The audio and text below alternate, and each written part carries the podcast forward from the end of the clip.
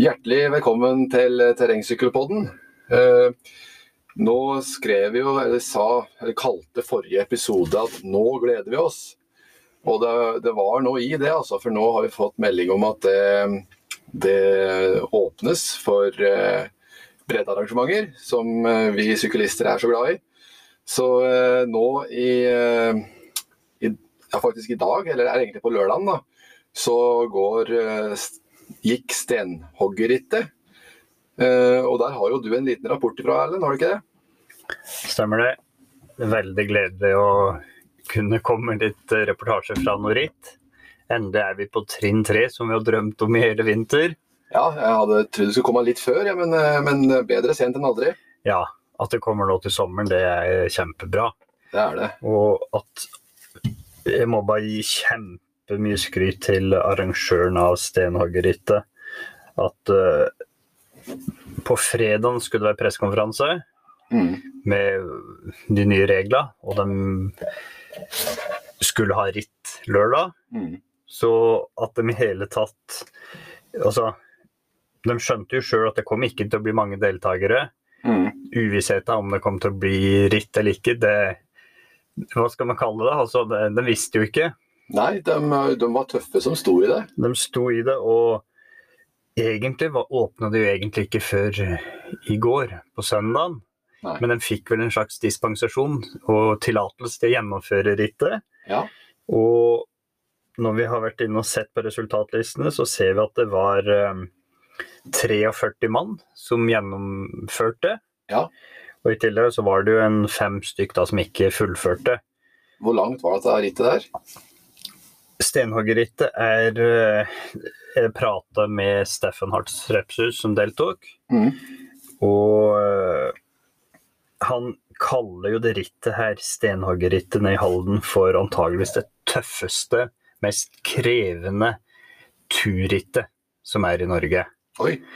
Han, han sammenligner med at andre ritt som er så krevende, det er gjerne ritt som har norgescup eller n- n- norgesmesterskapsstatus. Ja. Er det sånn Liksom- at teknisk krevende, eller Det er er, det det er krevende bakker, mm. teknisk krevende, til dels steinete partier og sånn. Ja. Men vi må jo også si her da at hele fredagsnatta, altså natt til rittdatoen, så hadde det høljregna. Ja, ikke sant? Og det, bare det òg. Arrangøren visste jo det òg. De vet ikke om de får arrangere. De eh, ser på værmeldinga at det er meldt høljregn, Ja. og likevel så er eh, konkurranselysten til så mange syklister så stor at som sagt da, over 40 stykk, eh, ja nærmere 50 da, Ja. valgte å stille til start. Ja. Men eh, som sagt da, så, um, så syns han det var et veldig krevende ritt. Det er eh, i lengde så er det eh, et ritt som er eh, Det er iallfall all respekt eh, til arrangøren der, for det jeg hadde Ja, vi har vel kanskje litt samme holdningen vi i Trysknutvitt òg, at vi skal stå i det uansett. Men eh, det er ikke mange som, eh, som eh, gjør det sånn. Så med tanke på den uvissheten, eh, så fikk de sikkert ikke markedsført seg noe spesielt godt til. Nei, de kunne jo ikke gjøre det. De kan jo ikke eh, gå rundt og oppfordre veldig sterkt til at folk skal melde seg på, Nei. sjøl om folk vil få pengene og sånn. For det handler jo litt om å ja, Også både i forhold til eh, arrangørstaben, da, å hol- å holde på dem. Ja. Så jeg syns det er helt utrolig at de har eh, fått til det her. Mm. Eh, jeg driver nå og prøver å se om de har lagt ut noe I forhold til lengde. i forhold til lengde og sånn. Um, Det står kanskje noen sluttider på de beste der. Basert på den st- Strava-fila de har lagt ut, så er Stenhagerit 43 km langt. Ja. Og han som vant rittet i dag, heter Ole Sigurd Rekdal, sykler for Lillehammer CK. Mm. Um, Mange gode syklister derifra. ja, bare 20 år gammel, Ja. så det er bra talent der. Og så et annet, litt mer lokalt talent for vår del, da, han Østen Brovold Midtsundstad fra Solør, ble nummer to. Hvor gammel er Han han? er bare 17 år. da? 17 år, ja. 17 år. Han vant akkurat eh, klubbrittet på Solør her, så jeg, på Ja. landevei. Ja. Og, og han som ble nummer tre, er også bare 17 år, så det sier litt om eh, at det vokser veldig bra da, Ja. i terrengsykkelmiljøet nå. ja det er, det er kjempepositivt når det er såpass mange unge som, som presterer. Først på femteplass har du litt vi kan kalle litt eldre traver, han Ole Dalsjø, som ble nummer fem. Ja, Ja. Hvilken klasse var det han syklet i? da? Han sykler mann 30-34, og han Ja. har akkurat fylt 30 år. Og, Men eh, rapportene sier jo at han skal være i vanvittig god form for tida. Ja. Og sykla før for Hedmark terrengsykkel. ja. Nå, og ja, Sykla sammen med på laget til Stefan. stemmer det. Ja, Og Stefan sjøl ble jo topp ti, da. ja. Og var en eh, elleve minutt bak vinneren. Men det sier noe om, eh, om eh, nivå, da, når, han, når når det er såpass mange foran. For han Stefan er jo utrolig god. Ja, og, men som han sa, da, det var veldig krevende. Masse terreng, masse krevende bakker, og i tillegg det regnet som kom dagen før, som gjorde Sikkert at det ble sleipt. gjørme og sleipt og ja.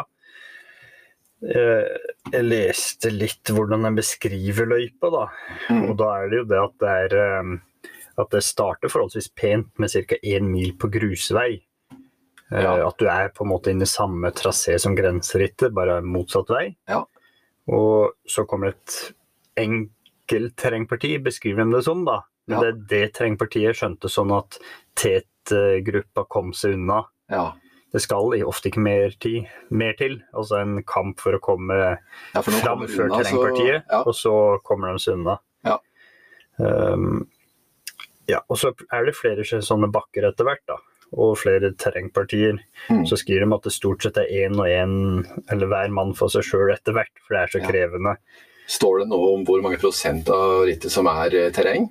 Nei, ikke på de linkene som de har lagt ut, nei. Nei, nei. Så Nei, ja, men uansett kjempepositivt Ja, nei, vi- at de valgte å arrangere. All ære til dem. Ja, Nei, det er For det, vanvittig bra. med noen og 40-50 deltakere, så er det jo ikke, øk- det er jo ikke økonomien som gjør Nei, at de De vil arrangerer. jo ikke, antageligvis ikke tjene noe på det. Nei. Og, så det er jo bare fordi man har en interesse og glede av å drive med terrengsykling. Ja. Jeg vil tippe det er terrengsyklister sjøl som står bak. Det er nok helt sikkert det. Og, Eh, er det noen andre ritt som har blitt arrangert eh, nå i helga her? ikke, ikke av terrengsykling, nei. Nei. Eller jo, altså det er jo Jeg så det var noe Reistad-rittet på terminlista. Ja, Jeg vet men ikke jeg om det er vet ikke egentlig om det er terrengritt, det, altså. Eller om det er at du kan stille med den sykkelen du sjøl vil. Ja, Det er jeg litt usikker på. da hadde jeg kommet til å stille opp med veltepetter. ja. Nei, men det blir litt som de ritta som er litt lenger nord, så er det van man, man leser så ikke mye på dem. Fordi det, Nei, man, det er litt man sånn får at man liksom kanskje ikke ikke deltatt på det sjøl. Nei, det er noe med det. Men, men ellers så har det jo vært en del andre ritt eh, tidligere i uka. Det, vi kan jo så vidt nevne, sjøl om det her er til terrengsykkelpodden, da, så må man jo kunne snakke om god sykling allikevel. Absolutt. Og vi hadde bl.a. NM i temposykling Og NM nå, ja. ja, i uka Såpass som var. tidlig. Ja. Og hva skulle jeg si At uh, sjøl om eh, Nei, altså, te- temposykling, det, det er jo den idretten som er mest ærlig, egentlig. Det er Ja. ikke noe lureri. Nei. Det er ingen som ligger og eh, Får lurer ikke- bak og sparer på kreftene og sånn. Det er hver enkelt for seg sjøl og den vatten man klarer å tråkke. Eneste taktikken der er vel rett og slett det å kunne disponere løpet bra nok. Handler, du får ikke så mye heng på noen. Og, Nei, det er taktisk og hva du klarer å tråkke. Ja. Ligge så nært opp mot maksvatten, terskelvatten din, på en måte, da, Ja. som du klarer uten at det bikker over. Ja. Og dem som eh, det, det, det var t- et par ting jeg så på på resultatlista der, da. Og det var at eh, Var det noen terrengsyklister som var med der? Ja, og det var det jeg skulle til å si. Altså at vi, vi kjenner jo f- kjenner jo til flere terrengsyklister som eh, trener vanvittig mye Ja. og er vanvittig gode. Mm. Og mange hakk bedre enn alle andre som også er ivrige og trener mye. Ja. Men når du ser på tempoøkta her, så ser du at sånn som Vidar Mehl, da, blant annet, hvis jeg regner riktig her, så ser det ut som han er en eh, syv minutt, syv-åtte minutt bak vinneren. Nei, han ble faktisk nummer 37, 6 minutter og 41 sekunder bak vinneren. Mm. Eh, og vinneren er eh, Tobias Foss. Er jo eh, helproff, sykler for Jumbo Visma. ja. Og han igjen da er ett minutt før Søren Væren Skjold og to og et halvt minutt før Andreas Leknesund. Ja. Og det bare sier litt hvor mange gode syklister det er i Norge nå. Ja, det begynner å ta av, altså. Det ser ut som at sykling på en måte bare hele tida s- eh, øker og øker i eh, popularitet. Så det er eh, kjempemoro. Og så håper vi egentlig at det vi ser Nei, Vi har jo egentlig kanskje sett en, en startende utvikling innenfor terrengsykling òg. At eh, flere og flere får øya opp. Vi hadde jo en sånn topp for noen år siden da, med med veldig mange eh, som, som deltok i Birkebeinerrittet. Og da var det jo sånn at det nesten var umulig å få seg startnummer, for den ble reven bort med en gang. Men så har vi hatt en sånn dalende trend en periode, men, men eh, ser ut som kanskje den snur nå. Ja, jeg, jeg tror egentlig det. At Ja. det, i hvert fall sykling er på vei oppover. Så jeg bare håper at det, at det kommer til å gjenspeile seg i eh, i deltakelsene på konkurran- konkurranser og sånn. Ja, Og det er jo ofte det du ser det, det er så mange som bare mm, som sykler Birken og har det som eneste ritt. Jeg har sjøl vært sånn i de aller fleste år jeg har sykla, at jeg har, jeg har trent for å sykle Birken, og så sykler jeg Birken, og så er jeg ferdig for sesongen. Ja. Da skal ting virkelig klaffe den ene dagen man konkurrerer, da. Ja, det Hvis- hadde vært moro hvis det flere begynte å være med på litt mindre sånn flere ritt. da. Det er liksom artig å treffe, treffe alle sammen. og at liksom, fe- Det blir jo et større fellesskap jo flere vi er som sykler ritt. Ja, og, og så tror jo det å sykle Birken nå blir artigere hvis, hvis man faktisk har eh, Noen konkurranser i noen beina. konkurranser i bena, ja. Mm. Man har kjent litt på det utgangstempoet og det å ligge i felt, som jeg har prata litt på før. Ja. At du må sykle litt for å skjønne hvor stor fordel det er å ligge på hjul på andre. da. Mm. Og, ehm, men, det var, men nå som det har vært så lite konkurranse, så ser vi jo det at veldig mange terrengsyklister stiller opp i, i landeveiskonkurranser. Ja, men jeg ser jo det at eh, på NM i fellesstart på landevei, så var det jo flere gode terrengsyklister som stilte opp Ja. blant annet en som heter Tim Edvard Pettersen, som eh, har gått eh, på terrenglinja på Kongsvinger. Mm. Og han ble n- faktisk nummer to på NM i landevei for, Oi. i U23-klassa. Yes. Og det må jeg Det bare er jo godt, si da. ha- Han er opprinnelig fra Alta, da, men går på terrengskolen der. Ja. Og mm, jeg vet ikke, man skal se lenge etter en kar som har mer lekenhet med syklinga si. Når jeg og Stefan sykler sammen nå bortover på en asfaltvei før eh, en hardøkt, Ja. så kan han sykle like fort som vi sykler på to hjul, så sykler han på ett hjul. Ja. Altså han har noe sånn vanvittig god kontroll på sykkelen. ja, det var han du snakka med som var med på økt og kalle. Ja. Ja. Og det, det klarer man bare å lære seg når man er s- s- liksom at man begynner å sykle fra man er bitte liten. Ja, Og det er leker liksom seg i vanskelig å- skogen og Det er liksom vanskelig å så begynne å leke seg på den måten der når en har passert eh, 30. Ja, Det går jo an. det går an. Og du kan bli bedre, men du, på, Han akkurat er, på den måten, det klarer du ikke. han er liksom forbi den eh, motoriske gullalderen, liksom. ja. Så det eh, er bra. Jeg tenkte litt i forhold til eh, Jeg sitter og tenker litt på den her Birken. jeg. ja. Nå fikk vi jo høre fra der at de, eh, de, de skal arrangere at det er 5000 som er eh, maks, så jeg har jo fortet meg og meldt meg på, jeg nå. Ja, du har meldt deg på du òg, ja? Ja.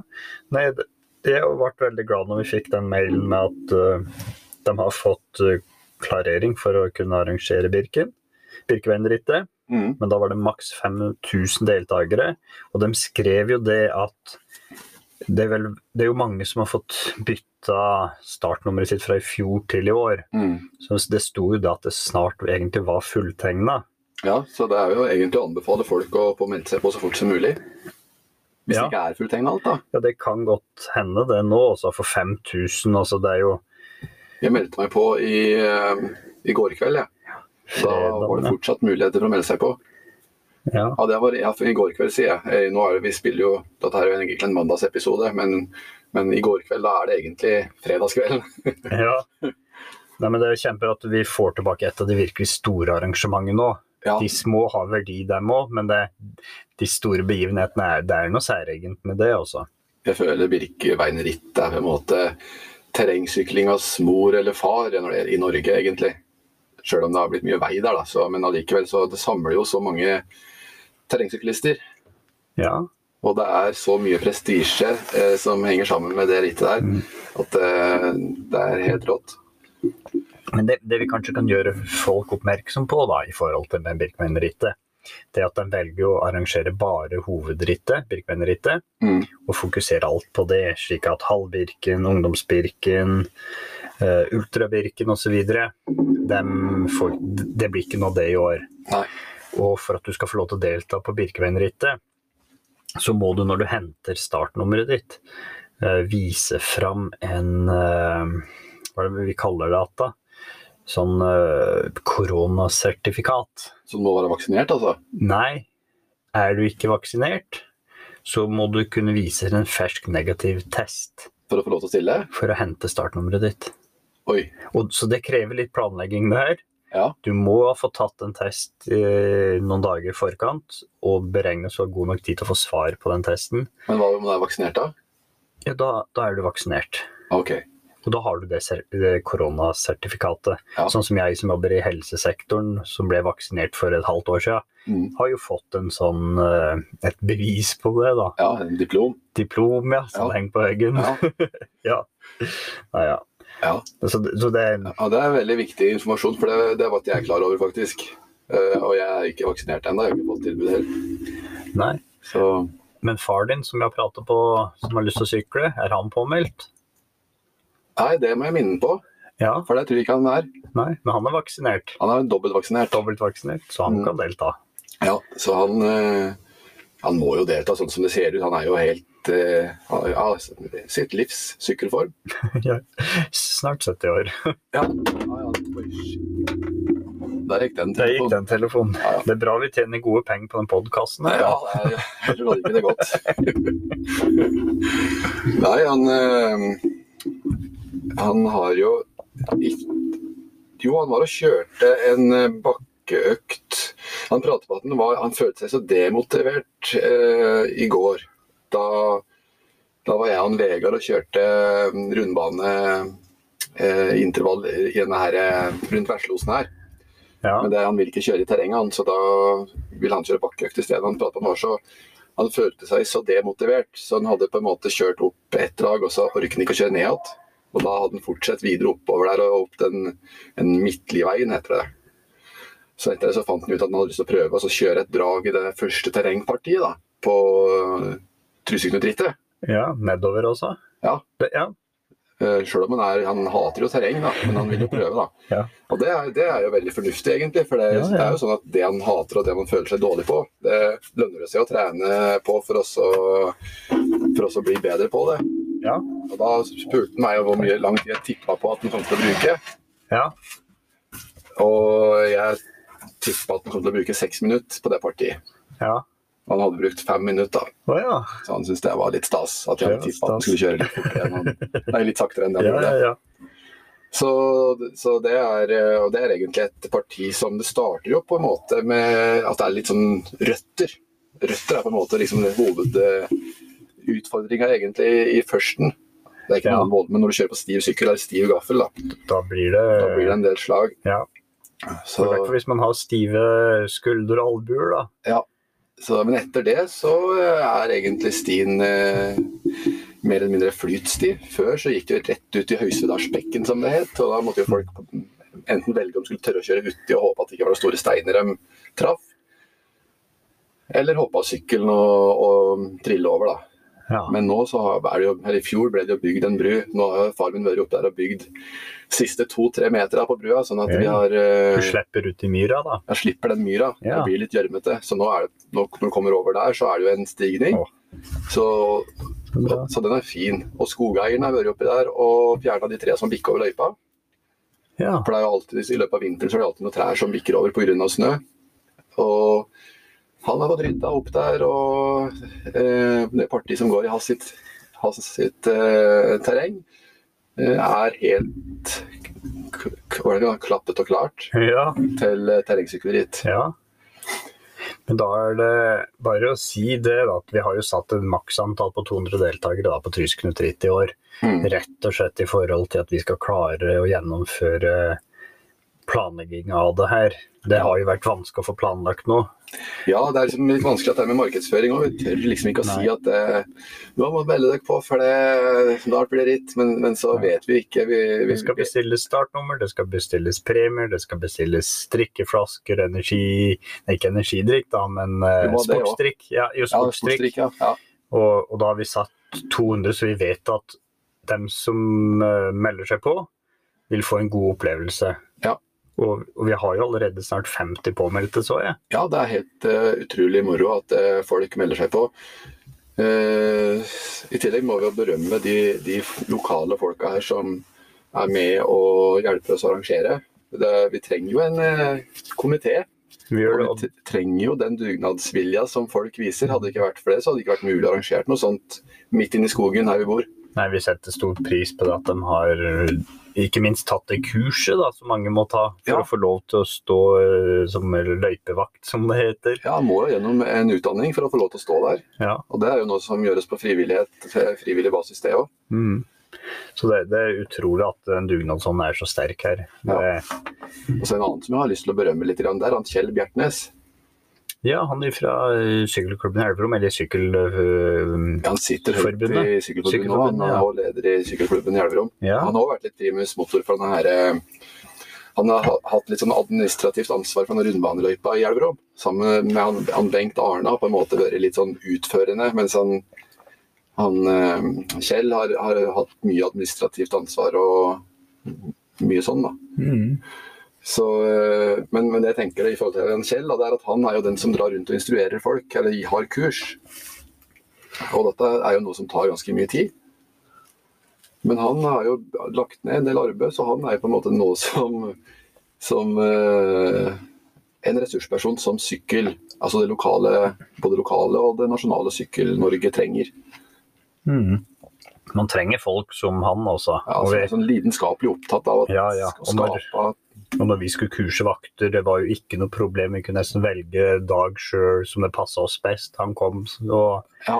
holdt kurs og eksamen og Ja, ja, gjorde hele pakka. var så behjelpelig og hjalp oss med det praktiske i forhold til å ordne med skilt, hvor vi kunne ordne Ja, Ja, ble besatt så mye kunnskap, så det man Vi skulle jo ha skilt på følgebilen òg, der det står 'sykkelritt pågår', pluss sånne her gule lamper som roterer. Mm. Det er mye å sette seg inn i når man skal arrangere ritt, som kanskje ikke de fleste deltakerne er klar over. Nei. At eh, det er ting som faktisk må søkes om og planlegges og ordnes. Og, Ja. Men sånn som i forhold til, i forhold til følgebil, så eh, vil jo det være med å gi en trygghet. For det, jeg så jo det i fjor, når jeg, den pulja jeg lå i sjøl. Så vi tar jo mye av veien eh, når vi kommer syklende. Så vi kjører jo gjennom. Vi, vi skal jo ikke sykle mer enn to i bredden, men allikevel så så jeg at det ble kjørt opptil tre-fire i bredden, kanskje. Mm. Eh, og hvis vi da kommer inn i en, en sving f.eks., og ikke ser noe særlig for framover Nei. Eh, og Og vi- fartsgrensa er vel 80 rundt sjøen, Ja, er det det er ikke? Så 80. det kan komme biler imot i 80 km i timen. og så ha- og som ikke har den følgebilen, som Mhm. kjører først der og har de rotorlampene og Mm. s- varsler bilister om at her er det faktisk sykkelritt som pågår nå, Mm. så kunne det vært risikofylt. Ja. Jeg kjørte jo med Jeg var jo rittleder i fjor og kjørte med, med øreplugger i, på mobiltelefon for også i tilfelle det skulle skje en ulykke. Det var, jeg var li- egentlig ganske nervøs. Mm. Men det gikk jo bra. Ja da. heldigvis har det gått bra de gangene vi har eh, Ja, det går stort sett bra. Det er bare at jeg er litt sånn ekstra overnervøs når han har liksom ansvaret. Ja, man håper at ingen skal skade seg. og Ja. noen småuhell skjer, og det, det må nesten folk som melder seg på et terrengsykkel litt være klar over at det er jo en risikoidrett. Det er det. Til- Altså det, og man har et ansvar for å være klar over sitt eget nivå, og man må sykle i forhold til sine evner. Ja. Og særlig i en del av de utforkjøringene har jeg sett eh, Ja, altså jeg vil da faktisk eh, bare opplyse litt om det at eh, når de kommer opp i toppen på Vindmølleparken, så er det en del heftige nedoverkjøringer etterpå. Det er ikke noe teknisk vanskelig, men eh, det er litt rullegrus. Sånn at Mhm. hvis farten blir for stor og man plutselig begynner å boble litt, grann, eller stivner på sykkelen, eh, så kan det gå galt. At- Og i så høy fart så, så kan det ofte gå veldig galt hvis det er Han har jo bare en hjelm og eh, sykkelshorts og trøye. Ja da, og det er jo også et, eh, et heftig parti etter første terrengparti, hvor du skal nedover på grusvei der òg. Ja, da Der- skjedde det vel et uhell i fjor, eller Ja. var det året før? eller året før der, at folk rett og slett har altfor høy fart inn i svinger, og så er det rullegrus på sidene. Ja. Så havner man uti der, da, da er det faktisk gjort. Ja, Så det er man, faktisk og det. det er så få sekunder å tjene på å ligge s- altså at Det er ikke verdt risikoen, da er det kanskje vi prøver å si. Ja. Ta den og heller bare ta det med ro ned der, og så tråkk litt ekstra på asfaltveien etterpå. jeg skjønner, jeg skjønner for så vidt de som uh, ofrer litt nedover der. For det, hvis man mister de folka man ligger sammen med, så er det tungt å ta dem igjen. da, Hvis de, da, hvis de andre danner ei gruppe. Mhm. Men det har jeg litt lyst til å altså, bare nevne. altså, Jeg husker at det var en fra Rye sykkelklubb. eh, jeg lurer på om det var to år siden, det, det rittet.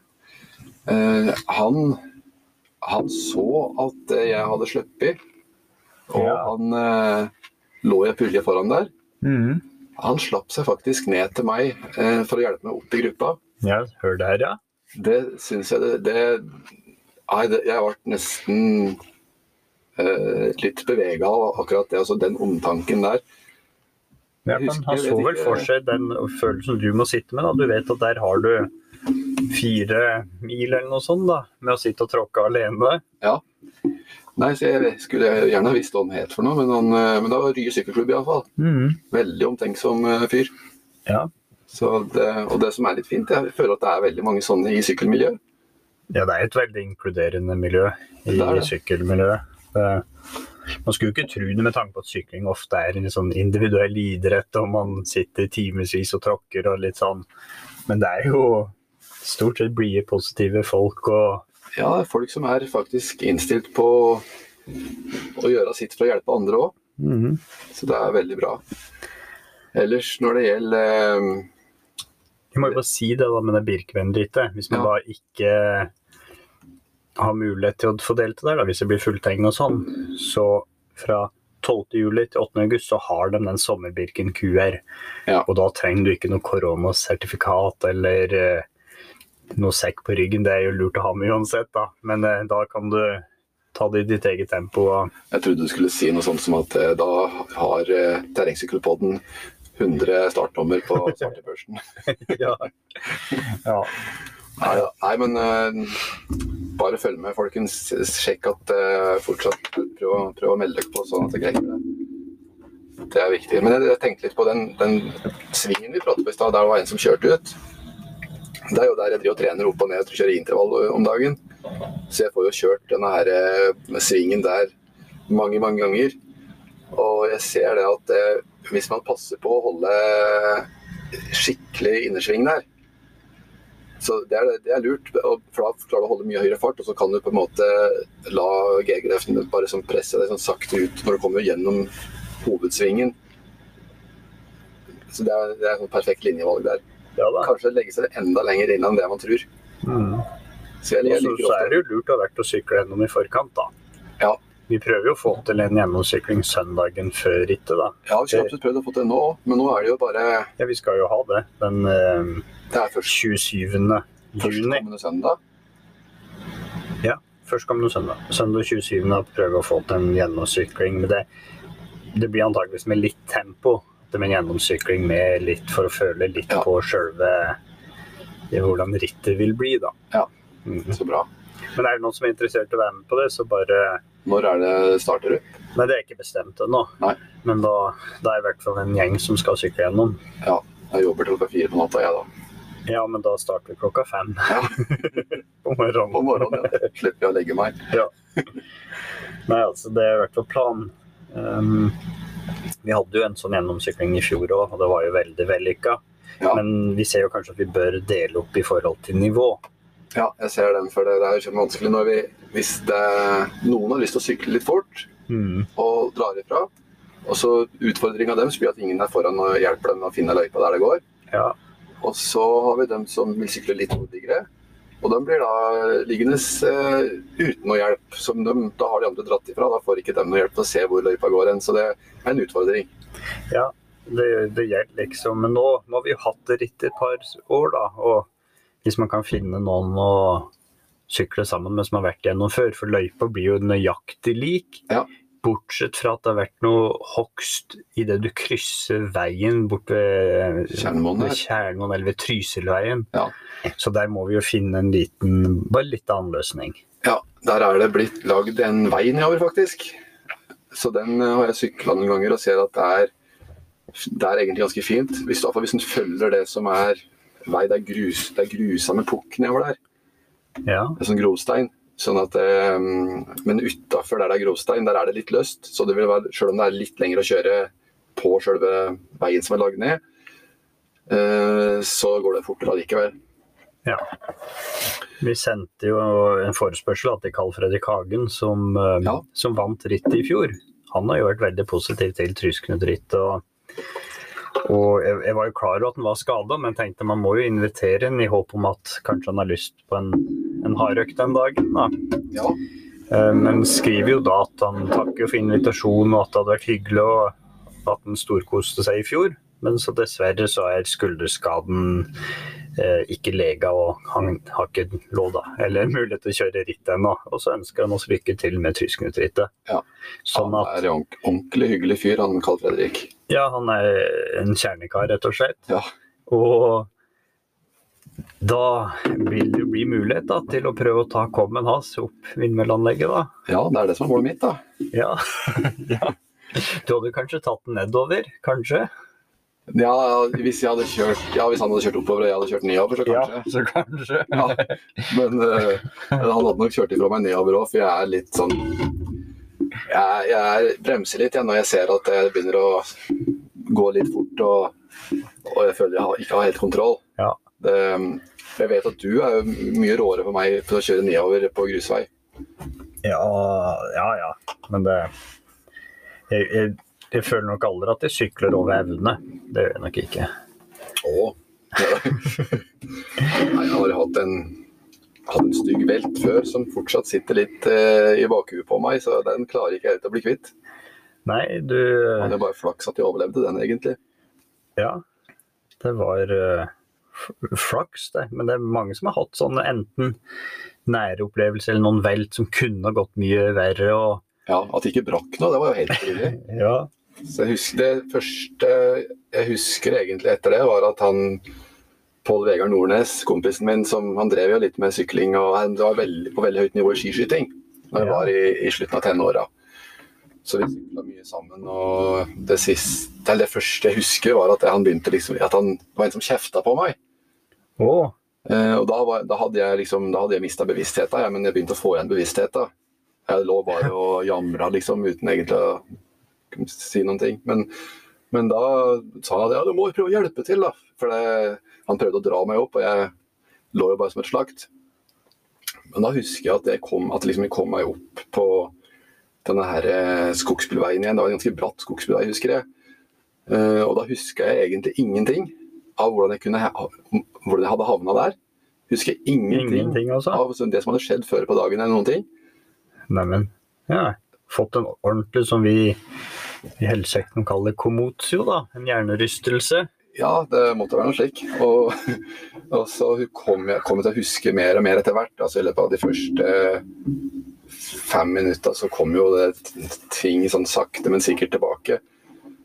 Og han Pål Vegard han sa til meg at, at du må ligge der og vente på hjelp. Så skulle han sykle etter hjelp. Og han ble borte, men jeg husker, jeg husker ikke noe mer. Så Jeg, jeg begynte da å gå. Men sykkelen var jo helt ødelagt, så framhjulet kunne ikke trille lenger. For det, hadde jo, det var jo helt ovalt. Ja. Og da, begynte, da bar jeg sykkelen nedover, da. Og s- hjelmen var jo bare delt i ja, Jeg husker at den hang på, fram på bringa på meg. I deler, så det var jo Oi. sikkert bare sånn fem, seks, sju deler som var igjen av hjelmen. Uff. Og han hadde jo sykla hjem igjen da, og hit til fatter'n og sa du må hjelpe han Ingar, da. han har slått seg. Ja, hvor har han slått seg hen, da? Da i huet. Og eh, da, da husker jeg at jeg, jeg hørte en, en bil som kom på veldig, veldig høyt turtall til å være en sånn gammel dieselbil Ja. oppover Syringsveien der. Dette er jo i den nedoverkjøringa der eh, faktisk der eh, Truseknuterittet går nedover. Det er den, Ja, ja. faktisk. Ja. Der, nei, det er rett overfor, der du kommer ut på Syringsveien. Ja, litt lenger opp der, ja. Ja. Mm. Oppi der var det. Og, eh, og eh, da kom de kjørende der. Da, da var jo bommen stengt der, så det var egentlig bra at jeg hadde gått ned dit. Og Da ble jeg kjørt hjem, da. Så, så ringte de til legen og spurte om de måtte møte på legevakta, men jeg dro vel Skal vi se, åssen var dette? Jo, jeg dro vel på legevakta. Men eh, uansett, altså, så var hjel- altså, hele huet mitt rundt der hjelmen satt, det ble sånn blåsvart. Å, Så alt sammen rundt der hjelmen hadde sett, det ble helt sånn blåsvart. ja. Så det var tydelig at hjelmen hadde jo hatt, gjort en veldig god jobb der, da. Mm. ja. Hjelm er gull verdt, altså. Ja. Uten hjelm der så hadde jeg vært ferdig. Ja. Så Nei, men da, du lærte vel det, da, at man må ta det litt med ro? Ja. At du- grunnen til den ulykka, det var jo at, at jeg hadde punktert på framhjulet, så jeg mista kontrollen. Å ja, du hadde punktert, ja. ja. Og, og da blir det jo til sånn som når en sykler nå, så sitter jo der det er ganske lenge siden, men fortsatt så sitter det i bakhuet. Altså, tenk om jeg punkterer nå. Hvis du Ja. har- ser at du ligger i 70 km i timen nedover en grusvei, og du plutselig og du plutselig begynner å tenke på at oi, tenk om du punkterer, eh, da, da, da slår det inn. Og da blir det til at den bremser ned litt, da. Eller kan den i verste fall stivne litt. Og det, når man kjører på rullegrus sånn, så er jo det, det aller lureste da er jo bare å så se så langt fram du får, får sett, og så prøve å være mest mulig avslappa i kroppen og ikke bli stiv. Men jeg har lett for å stivne. Ja, Det sitter sånn, så, og farta blir høy, og, og jeg begynner å få negative tanker, så blir jeg fort stiv i kroppen. ja. Så Ehm, nei, altså, man må passe på seg sjøl og sykle rolig nedover, heller ta igjen oppover. mm, man må det. Han, eh, det som er litt synd, er at han ofte mister de, de han ligger sammen med i de nedoverkjøringene der. Ja. Og da må han jobbe veldig for å klare å nå igjen gruppa. Ja da, man må jo det. Så jeg får bare satse på at med alderen, ja, at jeg har blitt tøffere med alderen, da. Håper på det. Ja da. Når, eh, når man først begynner å bli dement eh, og begynner å glemme litt, så kan det. Man blir litt tøffere òg. Ja, nei, jeg gleder meg til det, altså. Gå i barndommen. Ja, ja. Nei, ehm, eh, vi så en sånn annen Vi har i et par episoder nå prata litt på det at 2021 blir et historisk år innenfor terrengsykling i Norge, i forhold til at Norge skal sende av gårde én til OL Mm. i eh, rundbanesykling. Og vi har jo spekulert veldig i hvem, Hvem det kan være. hvem det kan være, i forhold til hvordan de har prestert i verdenscupen så langt i år, og, og Norgescup. Du kan jo ane litt da, hvem det kan være. Ja, det er bestemt. Og det er Nå er det bestemt nå, bestemt. Ja. Oi. Og Det var ikke som vi trodde. Hva trodde vi, da? Vi prata veldig på en som het Mats Tubas Glende, som som bl.a. ble akkurat. nummer tre nå på, på Lillehammer, da det var eh, rundbaner eh, Det var Norgescup han, der. ikke sant? Det var han. Nei, Hæ? det ble han som vant på Lillehammer på, på eh, Lillehammer dag eh, to, var det da han vant? Ja. Han eh, godeste Erik Hegstad. ja, stemmer. For et- hvis jeg husker riktig, så ble han nummer to første dagen på Lillehammer, og nummer én på andre dagen. Det kan ikke være veldig enkelt at du skulle ta det valget der. Nei, men eh, han Mats Tubås Glende er jo yngre. Han sykler primært på den, i den U23-klassa. Mm. Mens Erik Hegstad han er vel født jeg lurer på om han er født i 1996, og da er han vel 25 år, så han er jo litt eldre. Ja. Kan sikkert vise til en del flere år med sykling på høyt nivå. Så jeg har jo erfaring litt å si det òg, da. Ja, erfaring og det, det er jo garantert ikke et enkelt ritt som øh, avgjør det her, da. Nei. Eh, Men, men i tillegg så må vi huske at han var, var jo, ble jo topp 15 på, i Leogang òg, i sist verdenscupritt. Mm. Så han er jo blant de aller beste i verden, faktisk. Ja, han er jo det. Hva er beste plasseringa han har hatt egentlig i, på, i verdenscup eller VM? Det vet jeg ikke. Nei. Det har jo vært veldig lite verdenscup de Ja, det har siste årene. Ja, Men han, er- da- det er vel rundt 25-15 der, der omkring, da. ja, det er jo veldig bra. Ja, da har vi jo som vanlig prata oss litt bort igjen, da. Eh, Tida har jo gått. Vi eller vi har jo brukt eh, mye av episoden til å prate om eh, eh, litt ting utafor sjølve temaet eh, som vi egentlig skulle ha om i dag, som, som egentlig er formtopping. Å ja! Vi har et tema i dag, ja. Vi har et tema i dag. Ja. Eh, har du gjort deg noen tanker rundt akkurat det greien der, eller? Ikke annet enn at formtopping er um, nå, nå gjelder det, nå begynner jo rittsesongen. Ja. Det er- Sjøl om den, den blir vel kanskje kort, da. Vi har Tryskundrittet, vi har NM, Mm, Furusund rundt, og så blir det vel kanskje en liten ferie her. Ja. Så jeg tenker at det kan være lurt å formtoppe til de to helgene der. Ja. Så senke seg litt ned igjen, og så begynne på til eh, høsten. Mhm. Eller? Jo. Og Du kan jo mye eh, teoretisk om formtopping, så ja, kan vel du det fortelle litt? Kan jo, kan jo litt eh, Jeg kan jo litt, da. Men eh, jeg må jo påstå at jeg har ikke vært så veldig flink til å bruke den teorien jeg kan eh, i praksis. Så Nei. det blir jo ofte til at en bare trener på. Eh, ja. trener jo ofte eh, opp mot konkurranser, så blir det ofte at en trener litt for mye. Men jeg, jeg regner med at kanskje mange kjenner den følelsen der de har trent litt for mye en periode, så, så de har blitt eh, sjuke, eller de kanskje har kjent at de må stå over trening en stund. For så etterpå så plutselig komme i alt altså for tidlig form, egentlig, da, i forhold til en konkurranseperiode. Si at du i løpet av vinteren da, så er du er motivert, og du sitter på rulla eller du trener ute og, og eh, tenker at nå skal du inn i en skikkelig hard periode. Og så blir det til at man går på en liten smell. Og får ikke trent eh, helt skikkelig som en skal i løpet av to- to-tre uker, og så, og så begynner en på igjen, da. Og veldig ofte da så vil man kanskje være i kjempeform. man har fått overskuddet tilbake, ja. Ja. Mm. Så eh, det er på en måte en sånn ufrivillig måte å gjøre en formtopping på. ja. Så, men eh, som i forhold til Olymp det Olympiatoppen sier, da, så de baserer seg jo veldig mye på forskning og treningserfaring over, eh, over mange, mange titalls år, egentlig. Og de har jo kommet fram til at for å så få til en formtopping, så er man avhengig av at man har en, en fast treningsrutine som kanskje har vart over eh, mange måneder, da. Kanskje gjerne år òg for at det skal være noen vits å tenke på formtopping. ja. Eh, så du, så du bør helst ha en sånn ja, si, at, du- si at du ligger på seks, ti- seks eh, økter i uka, da. Det er jo sånn de tenker at eh, hvis du ligger på seks økter eller mer i uka, så er det, er det Da vil du kunne få til formtopping. Ja. Det er iallfall det Olympiatoppen mener. Det går sikkert an å gjøre det ellers òg, men eh, det er iallfall det forskning viser, da. Og det de eh, har kommet fram til sånn i tall, da, det er at du kan bedre Eh, du kan bedre formen din med, eller prestasjonsevnen din med 3 ved å Oi, følge ja. et eh, formtoppingsopplegg. Så, så det, er- det er det vi snakker om her. Hvis du gjør en, f- et prosjekt på formtopping, eller følger en plan på det, Ja. så kan du øke prestasjonsnivået ditt med 3 Ja. Men hva, hva vil det si, si i praksis, da?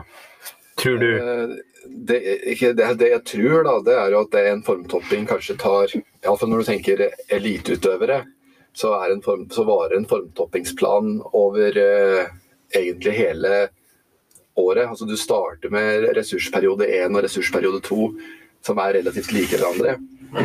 Eh, og så går du over i en mer sånn eh, Begynner å trene mer målretta mot en f.eks. en viktig konkurranse, eller en viktig konkurranseperiode. Men for oss som er mosjonister, eh, som kanskje ligger på Si at vi ligger på 12-15 timer i uka ca. 10 til 15. 10-15 timer. eh, Så eh, kan den starte den to uker før.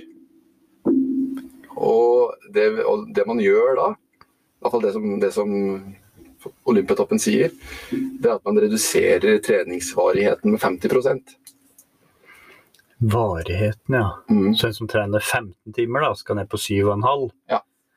Ja. Og det, gjelder, det er da de to, to siste uka før konkurransen. Men det som er veldig viktig å legge merke til, det er at man reduserer ikke treningshyppigheten noe særlig. Men man har like mange økter. Nesten like mange økter. Du, skal, du kan redusere den med, med ja, 10-15 Så nesten like mange økter. Det kan hende at hvis du trener Si at du trener eh, en seks ganger i uka, da, eller sju ganger i uka, så er det jo liksom bare én økt mindre. Ja. Men sånn varigheten, det er, gjeld- det er da faktisk eh, hele 50, 50 Og da kan tenke spørre seg, da, skal, dette her, skal, den, skal de 50 -a tas fra langtura, eller skal det tas fra intervalløkten? Har, har du tenkt noe over det, akkurat den biten der? Nei, og det var jo en ny opplysning også for meg, det at du skulle eh, halvere mm, mengden av på treninga. Eh, Det var veldig klar over det at du skal redusere intensiteten og kanskje redusere antall drag, da, f.eks. på intervaller. Mm. Det er det jeg har tenkt. Ja. Sånn at det kan være lurt at istedenfor å gi 100 så gir du 90 At du sparer liksom de siste prosentene i forhold til å ja, ha litt overskudd og unngå skader, unngå at man blir sliten, da, rett og slett. Ja. Men eh, ja, Nei, det som i forhold til eh, intervaller, så er det kanskje litt sånn at man skal eh, ikke redusere intensiteten på intervallene, nei, men man skal redusere lengden på dem litt. Grann. ja, Så si at du no normalt sett kjører sånn seks til åtte minutters, kanskje ti minutters drag.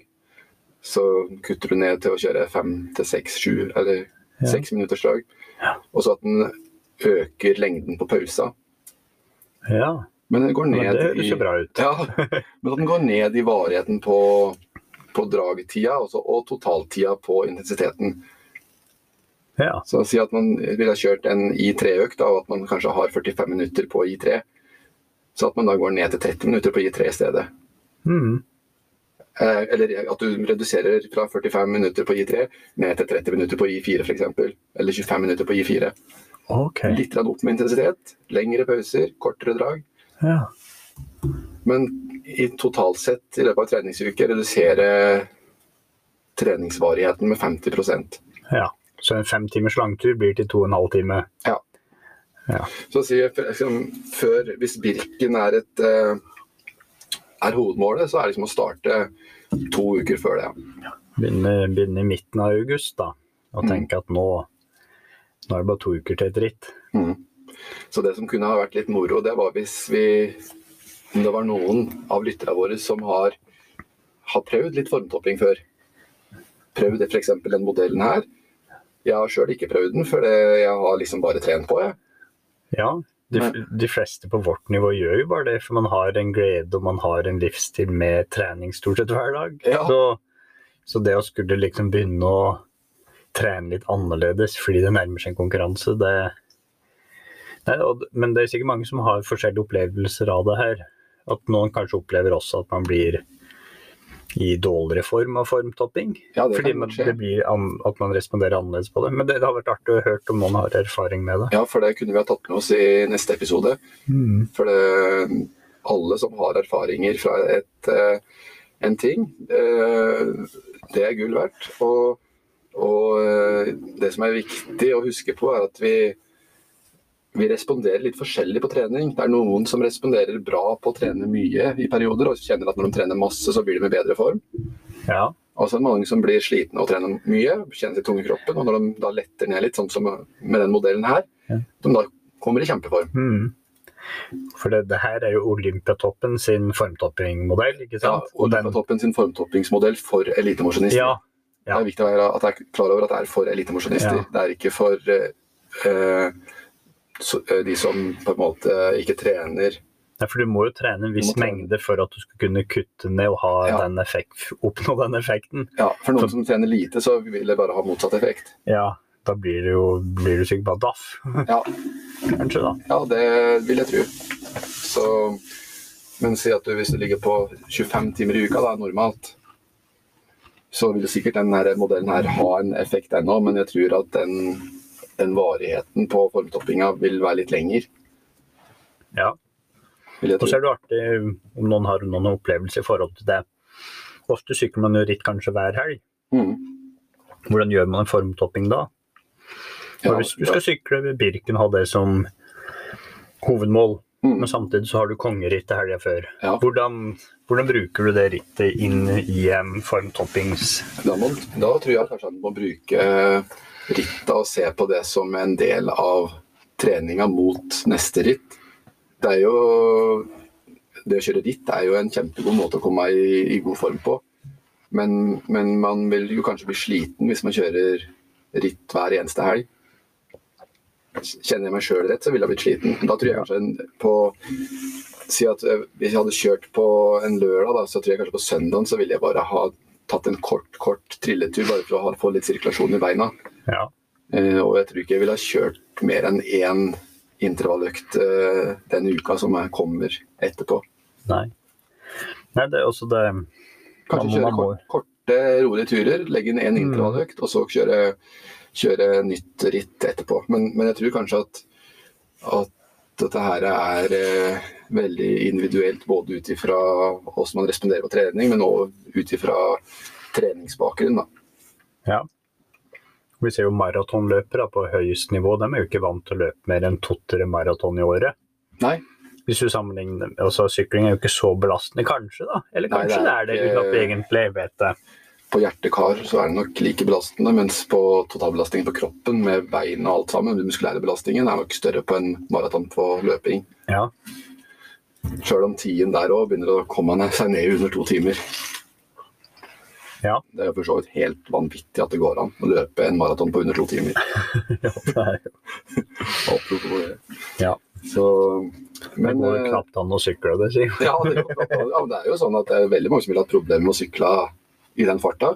Ja, ja. Det er, du gjør på en snittfart på rundt ja, 20 km i timen, kanskje. Mm. Ja, Så det må jo Helt vilt.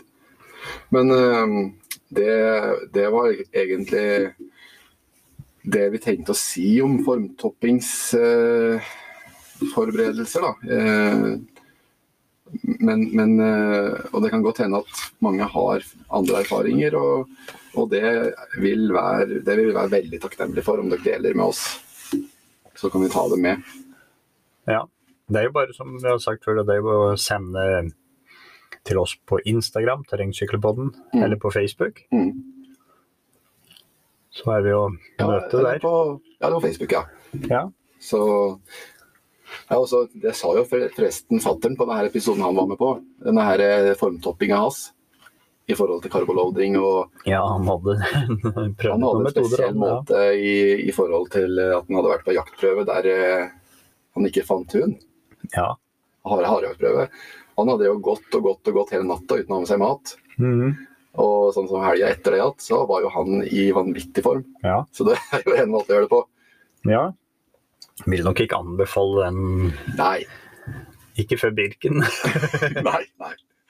Prøv den på Trysilknut heller, da. Ja. Men én ting, det er jo dette her med, med formtopping. En annen ting som eh, vi òg har nevnt litt på forrige episode, det er dette her med å holde utstyret sitt i orden. Han trenger vel kanskje å formtoppe sykkelen litt òg? Ja, man trenger det. Man blir jo ikke bedre enn eh, det sykkelen man kjører på. Har man en sykkel som ikke henger med, så, så hjelper det ikke å- noe særlig å være i god form. Nei. Vi har jo ett eksempel. Det var jo den gangen vi skulle skulle kjøre den timesklubben øh, øh, når du slet litt med utstyret. Ja, det, det var jo ikke bare å ha en hardøkt uten å ha tunge gir å tråkke med. Nei, du, hadde- du mangla de tunge gira, så øh, Ja, Der for hadde du har du- fått bytta ut det, da. og Det er jo mye artigere å kjøre hardøkter nå. ja. Da du jeg kan tror- bruke alle gira, og du kan stole på alt. Ja, jeg tror ikke at jeg hadde nådd igjen deg hadde det vært for Hadde vi ikke hatt en sykkel der skje både hoppa av og gira ikke fungerte skikkelig. Nei. Hva hva var egentlig grunnen? Var det at kassetten var utslitt? Eh, jeg hadde delvis kjedekassett. Jeg bytta jo begge deler, da. Ja, du bytta begge, ja. Ja, Ja, det tror jeg sånn som vi lønner pratet på sist gang, han, eh, han på Team Hunton Hard Rocks. Ja. Nei, Team Hunt Jo, jeg- jo det er det det heter, er det ikke det? Heter det det? Ja, det er noe det sånt. heter kanskje det. Hunt, Hunton Hardrock, ja. Ja. Ja, vi sier det. Ja. han bytta jo kjede tre ganger på hver kassett før Ja. han bytter kassetten. Ja. Mens eh, jeg har alltid tenkt to kjeder per kassett. Ja. Men hvis du først har slitt ut kassetten din, så må du bytte alt. Det man merker hvis kassetten er utslitt, det er at hvis man setter på et nytt eh, kjede, så vil det bare bli tull. Da vil, det ikke, da vil det bare gleppe, gleppe, gleppe. Ja. Spesielt på nedre Trinsa, som ofte er den som er mest slitt, da. Mm. Så, um, eh, men, men det jeg vil anbefale, det er at man investerer i en kjedemåler.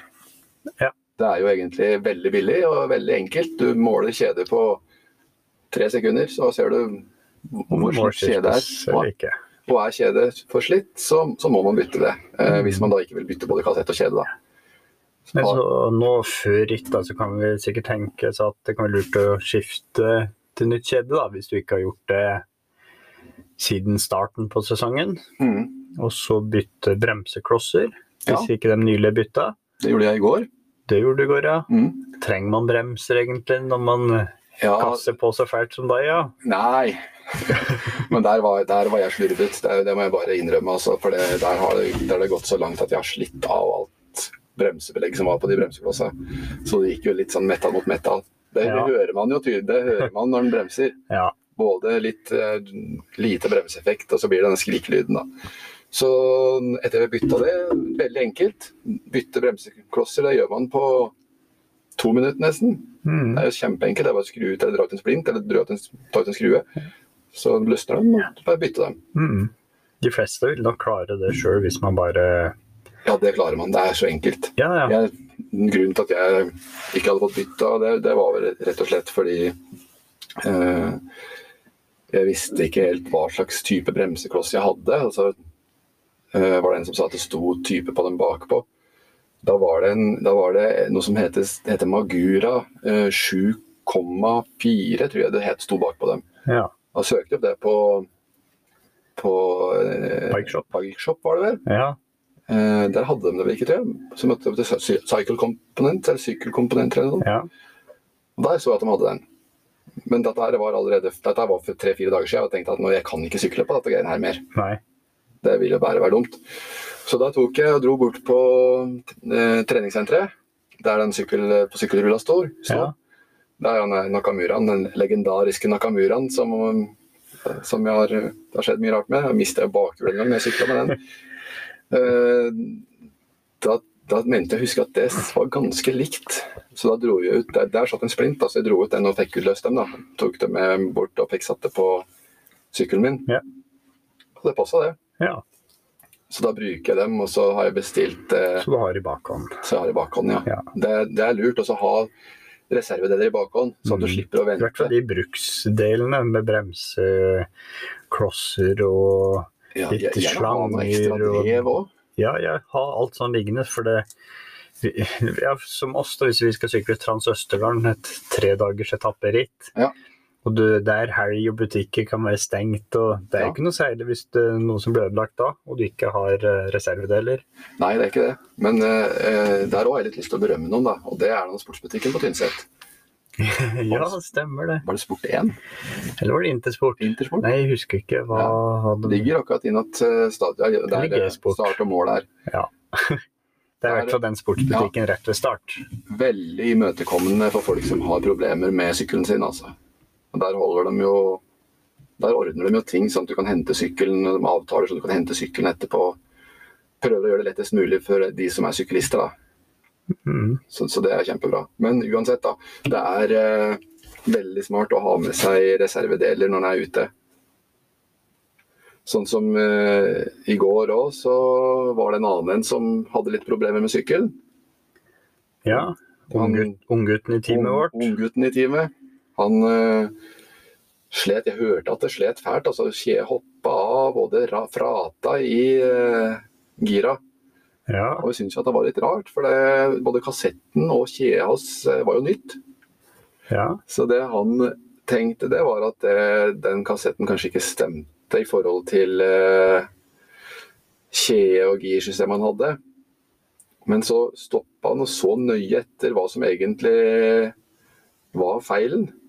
Og da fant han plutselig ut at den eh, akslingen som, som hjula er festa i, var i ferd med å skli ut. Sånn at den satt jo ikke ordentlig fast, den. Nei. Så hadde det gått litt lenger, så kunne den ha falt helt ut, og da kunne det ha blitt stygge skader. Så det var flaks at han oppdaget det da. Og da, da ble jo samtaleemnet vårt sånn over på Tenk om det her hadde skjedd på et ritt, da. Og, og litt at det her med viktighet av å gå over sykkelen før, eh, før, før start på ritt. At du vet at alle hjula sitter ordentlig, og at eh, bremser eh, er skikkelig innstilt. Og at man ikke har ja, slitt kassett og slitt kjede, at liksom alt skal være på plass. For det, det er ikke noe som er så surt som å få et ritt ødelagt pga. utstyret sitt. Nei. Og det er mye skruer som kan eh, være løse. Jeg må jo bare si første gang jeg sykla sykkelvasaen, så hadde jeg fått lånt en sykkel. Ja. Og um, da hadde vi jo drevet og justert den. Jeg tror til og med at det bytta stem på den eh, Ja. som skulle passe til meg. Men det vi ikke hadde gjort, da, det var jo å feste dette styret godt nok. Oi. Så etter fire-fem kilometer eh, så oppdager jeg at hele styret var jo eh, løst. Ja. Og det er ikke noe artig når du sitter i, eh, i et så viktig ritt, har reist til Sverige, og plutselig så Så der styret satt fast i stemmet, der var det løst? Altså. Det var løst, og det, ikke godt nok du kunne skrudd fast. bare skru den opp og ned. og... Ah, Ja, Det var, og da var, jeg- men jeg hadde jo med meg sykkelverktøy på baklomma, da. Så i, mens jeg lå i feltet, begynte jeg å skru det fast. Og klarte heldigvis det, da. Ja. Men det Nei, og nå her om dagen var jeg på økt, og da løsna eh, Cleats heter det vel, på sykkelskoen. ja. Da var det den skruen som var litt løs. ja, den har jeg opplevd flere ganger, jeg Ja. òg. At løsner. Så det, man må liksom bare gå over alle skruer og sjekke at det sitter, og at Det eneste- visuelt gå overalt, og så etterskru. Men ikke for hardt, du skal ikke ødelegge ting, men bare pass på at det er Ja. det sitter. Det er en skru jeg ikke får skrudd fast skikkelig, og det er jeg har en skru løs. Ja. Den går ut med en gang. Den går ut med en gang Ja. uansett. Så Nei da, men vi lærer litt hele tida og ser jo at eh, ser, ser jo liksom, Legger jo merke til de tinga som på en måte kan gå galt. De går jo før eller senere galt. Så- Ja da. Og da får en- blir en erfaring rikere. Ja da. Og det, han, han Vegard lærte jo det Fikk jo det erfart det i går. på den Mm. økta. Han følte jo egentlig at økta si ble eh, mer eller mindre ødelagt. Ja. Men da, da skjer jo ikke det neste Nei. gang. Det er akkurat det som er poenget. Men, men økta er ikke ødelagt allikevel. for Nei. det- Han har lært noe. Mm-hmm. Mhm. Og, og eh, mye av tre, treninga i og for seg er jo at kroppen lærer, men eh, i den, det tilfellet der så var det jo den, at man lærte noe sånn Mm-hmm. Mhm. ordentlig sånn ja, kognitivt, eller hva man skal kalle det for noe. så Men da er det vel snart på tide også eh, runde litt av her. Ja, da er det. Vi eh, skal vel kanskje si noe om eh, en økt vi har lyst til å anbefale eh, for lytterne våre eh, denne uka her òg. Ja. Og da vil vi jo anbefale en gjennomsykling av ritttrasé. Ja. Og siden det da bare er Det her kommer ut på mandag, ja. Og Mm. Da er det under to uker til Trysknuterittet. Mm. Så vil jeg egentlig anbefale å sykle gjennom den løypa. For dem Og- som bor i la oss si Østlandet, Ja. Innlandet, inn, ikke altfor langt unna. Ja. Løypa er ikke merka, men det er bare å gå inn på Strava. og Mm. Kjenner du en syklist som sykla den runden i fjor, Mm. så kan du jo bare laste ned økta opp til din egen sykkelcomputer. Eller, eller ta noen med deg som kjenner løypa. Eller bli med på gjennomsyklinga vår som vi skal ha på søndag. Ja. Det blir ukas økt. Det var et veldig godt forslag. Så da runder vi av fra studio her, og så vil vi ønske alle sammen en fantastisk treningsuke. Mange gode kilometer på sykkel. Så da høres vi neste mandag. Ha det bra. Ha det bra.